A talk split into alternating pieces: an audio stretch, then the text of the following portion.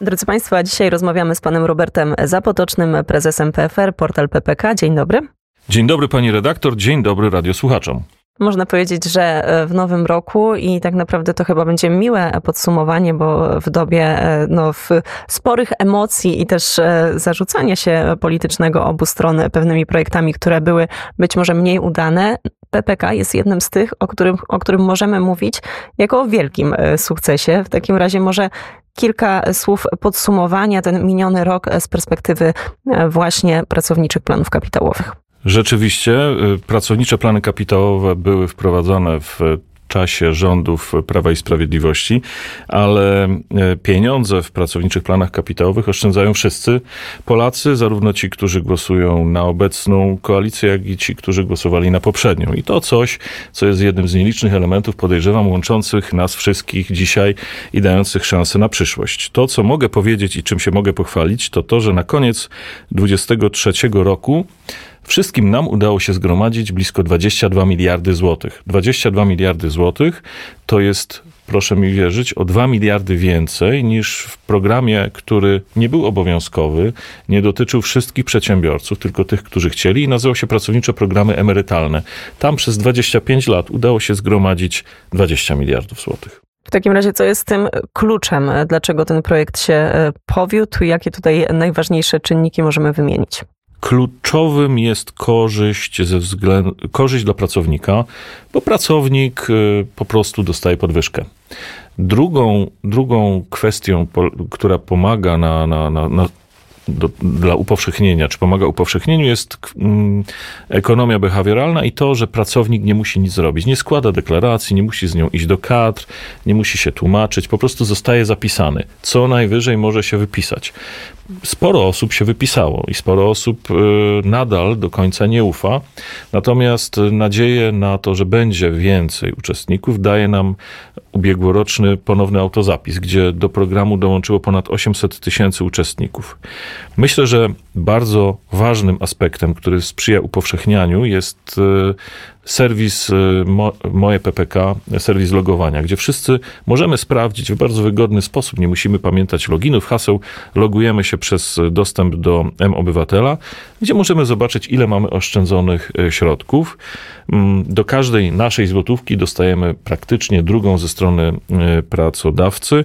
Końcówka ubiegłego roku była też bardzo dobra, jeśli chodzi o wyniki finansowe dla oszczędzających. Stąd wszystkie te elementy przyczyniają się do tego, że 3,5 miliona ludzi, 4 miliony rachunków i blisko 22 miliardy złotych udało nam się do tej pory zgromadzić. Skoro wspomnieliśmy tych, też o tych uczestnikach, którzy się wypisali, tutaj pan wspomniał e, z jednej strony przez pewne obawy czy ze strachu, e, pojawia się też taki zarzut, że część osób wypisywała się szybko, bo chciała zarobić, czyli zapisywała się do PPK e, po to, nie, nie po to, aby długoterminowo oszczędzać, tylko że, że, że był w pewnym momencie taki kruczek prawny, który pozwalał, pozwalał na zarobienie. Czy to tutaj jakoś zostało rozwiązane? To znaczy na niewydanie, bo jeżeli jeżeli się wypisuje, no to mam brutto, mam netto, netto wynagrodzenie o te 2% dalej takie samo, można powiedzieć. Nie mam, nie mam niższego wynagrodzenia netto. Jeżeli, jeżeli zostanę w pracowniczym planie kapitałowym, to na pewno do mojego, e, do mojej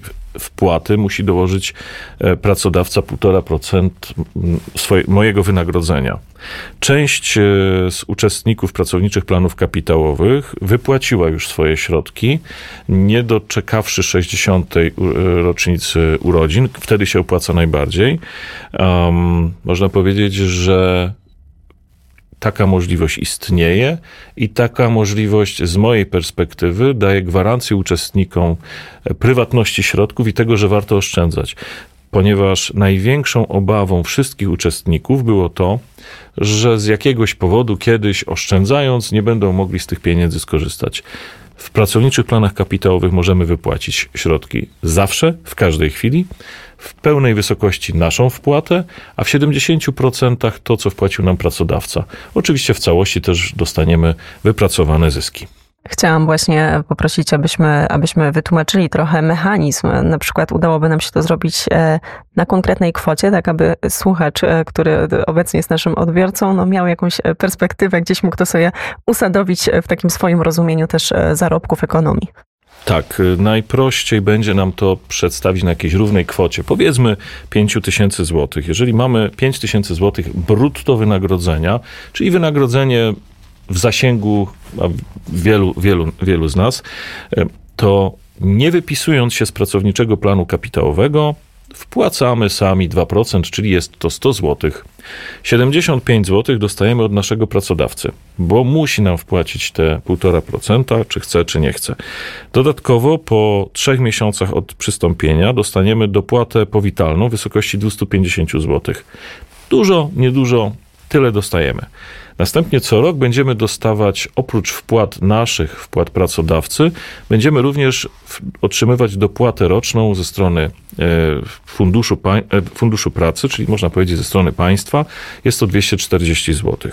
Czyli w dużym uproszczeniu 175 zł co miesiąc Dodatkowo mamy 12 miesięcy w skali roku, no to będziemy mogli tutaj liczyć się z jakimiś dwoma tysiącami złotych, dodatkowo dopłata roczna, dopłata powitalna, 2,5 tysiąca złotych. Jeżeli, przyjmij, jeżeli przyjmiemy jeszcze kilkuprocentowy, żeby nie rozbudzać apetytów, ale kilkuprocentowy, taki na poziomie inflacji plus zwrot z inwestycji, to możemy powiedzieć, że w skali 10 lat możemy mówić o 40-50 tysiącach złotych na koncie takiego uczestnika, który zarabia kwotę 5, około 5 tysięcy złotych. Więc y, są to pieniądze niebagatelne, nie do pogardzenia. Szczególnie polecałbym uwagę pracowniczym planom kapitałowym osobom powyżej 55 roku życia, ponieważ te osoby muszą się zapisać na wniosek. Te osoby nie są zapisywane automatycznie, tylko muszą w kadrach złożyć wniosek o przystąpienie. Taki wniosek mogą pobrać z naszej strony mojeppk.pl i zanieść do kadr, jeżeli w firmie funkcjonuje PPK. Dlaczego jest to ważne? Bo jeżeli mamy właśnie te 55 plus, jesteśmy, powiedzmy, mężczyzną, czyli mamy horyzont 10 lat jeszcze do emerytury, to jeżeli nie złożymy tego wniosku, to nie będziemy mogli liczyć na te dodatkowe kilkadziesiąt tysięcy złotych, a mówię to z pełnym przekonaniem.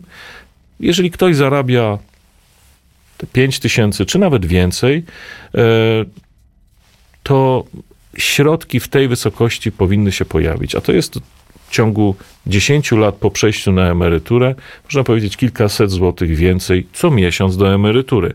Jeżeli mówimy dziś o emeryturach, które są na poziomie takim, jakim są, możemy, możemy się zorientować rozmawiając z emerytami, to te kilkaset Robi złotych. kolosalną zmianę. Tak, nie sądzę, że jest jakikolwiek emeryt, który dziś, będąc na emeryturze, pogniewałby się na dodatkowe pieniądze. Podejrzewam, że wręcz przeciwnie.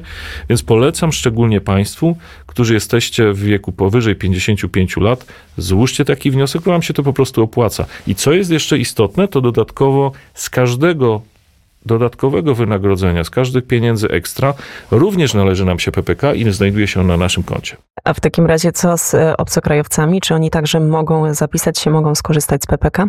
Tak, mamy bardzo dużo obcokrajowców. Y, prowadzimy ewidencję pracowniczych planów kapitałowych w Polskim Funduszu Rozwoju i możemy powiedzieć, że wśród obcokrajowców przeważają, zresztą zgodnie z taką zasadą y, proporcjonalności uczestnictwa w polskim rynku pracy Ukraińcy. Ukraińców jest y, dużo ponad 100 tysięcy. To są ci, którzy, którzy pracują, odprowadzają składki za pracę i na dodatek uczestniczą w pracowniczych planach kapitałowych. Wszystkie nacje obecne na polskim rynku pracy uczestniczą w pracowniczych planach kapitałowych. Wszyscy podlegają tak samo jak Polacy. Oczywiście ci z obcokrajowców, którzy są zatrudnieni, mają powyżej 55 lat, to też muszą złożyć wniosek o przystąpienie i też chciałbym, żebyście Państwo, znając takich obcokrajowców, powiedzieli im o tym, bo, bo warto. To spójrzmy jeszcze na podobne rozwiązania, na podobne modele, które są wprowadzane w innych państwach na świecie. Jak Polska wypada na e, ich tle? Jeśli chodzi o podobne rozwiązania jak pracownicze plany kapitałowe, to takie rozwiązanie funkcjonuje dokładnie takie, prawie takie samo w Wielkiej Brytanii, w Turcji, e, we Włoszech w bardzo podobnym zakresie. Bardzo podobne rozwiązanie jest przygotowywane do wprowadzenia w e, Republice Irlandii i w Słowenii. Czyli ekonomia behawioralna, czyli zostajemy zapisani bez naszej wypowiedzianej zgody, ale możemy się wypisać i do tego potrzebna jest nasza aktywność. Natomiast ciekawym jest przykład rynku holenderskiego, gdzie y, funkcjonuje system, który teoretycznie wymaga naszej aktywności, ale w praktyce y, zatrudniając się do pracy można powiedzieć, domniemany sposób upoważniamy do tego naszego pracodawcę, żeby on nas zapisał. I y, jeżeli porównujemy sobie wartość oszczędności emerytalnych w Polsce versus na przykład Holandia, to, czy, czy Niderlandy, bo chyba tak mówi się prawidłowo, to w Polsce we wszystkich regulowanych formach oszczędzania, takich jak pracownicze plany kapitałowe, pracownicze programy emerytalne, to co zostało w OFE, to, co mamy w indywidualnych kontach emerytalnych, czy też indywidualnych kontach zabezpieczenia emerytalnego, we wszystkich tych rozwiązaniach łącznie możemy powiedzieć, że mamy zgromadzone na dzień dzisiejszy około 60 miliardów euro. Jest nas 38 milionów Polaków, powiedzmy 2 miliony obcokrajowców, pracujemy, odprowadzamy składki, oszczędzamy z myślą o przyszłości, no i mamy te 60, trochę ponad 60 miliardów euro. Jeżeli spojrzymy na rynek holenderski, to 17 milionów Holendrów zgromadziło na swoją przyszłość kwotę nie 60 miliardów jak u nas, tylko mówiąc w liczbach takich bezwzględnych 2 biliony, ale biliony po naszemu, nie, nie po, po angielsku, czyli 2000 miliardów. Wynika to z tego, że w Holandii e, oszczędzanie w miejscu pracy jest jakby obowią- jest takim obowiązkiem i pracodawcy, i pracownika. Pierwszy filar de facto przysługuje za, za zamieszkanie. To, to, taki pierwszy filar nie jest takim filarem pierwszym jak u nas. Z naszej perspektywy byłby to filar zero. No i wszyscy, a znakomita większość, uczestniczy w takim oszczędzaniu w miejscu pracy wraz z pracodawcą. No i to pozwala w Holandii uzyskiwać emeryturę na poziomie nie procentowo niższym od ostatniego wynagrodzenia, tylko na poziomie prawie rzeczywistym naszego ostatniego wynagrodzenia. I tego e, te, to chciałbym Państwu uświadomić, że e, po prostu oszczędzajmy, bo warto. No i myślę, że to, co jest istotne z perspektywy oszczędzania, to jak najmniejsza ilość zmian, które nie zawsze przyczyniają się do tego, do zwiększenia atrakcyjności oszczędzania. Jeżeli już coś funkcjonuje, to w przypadku takim jak oszczędzanie oparte na zaufaniu, to niech ono funkcjonuje. A jeżeli są konieczne zmiany, to one muszą być w sposób bardzo delikatny i bardzo E, transparentny, przeprowadzone z, jakby z całą, z wszystkimi uczestnikami i wszystkimi interesariuszami, zarówno pracodawcami, uczestnikami takimi jak pracownicy czy organizacje pracodawców. I taką radę zostawił nam gość Radia Wnet, pan Robert Zapotoczny, prezes PFR Portal PPK. Ja rzadko kiedy e, też Państwu doradzam, ale tutaj absolutnie podpisuję się pod tym. Warto zajrzeć, poczytać o PPK, być może porozmawiać z sąsiadami, z ludźmi, którzy już z tego korzystają, bo jest to jeden z takich e, pro projektów, e, przedsięwzięcie uczciwe, z którego po prostu warto skorzystać i które funkcjonuje. Bardzo serdecznie dziękuję za rozmowę. Dziękuję pani redaktor i pozdrawiam serdecznie radiosłuchaczy.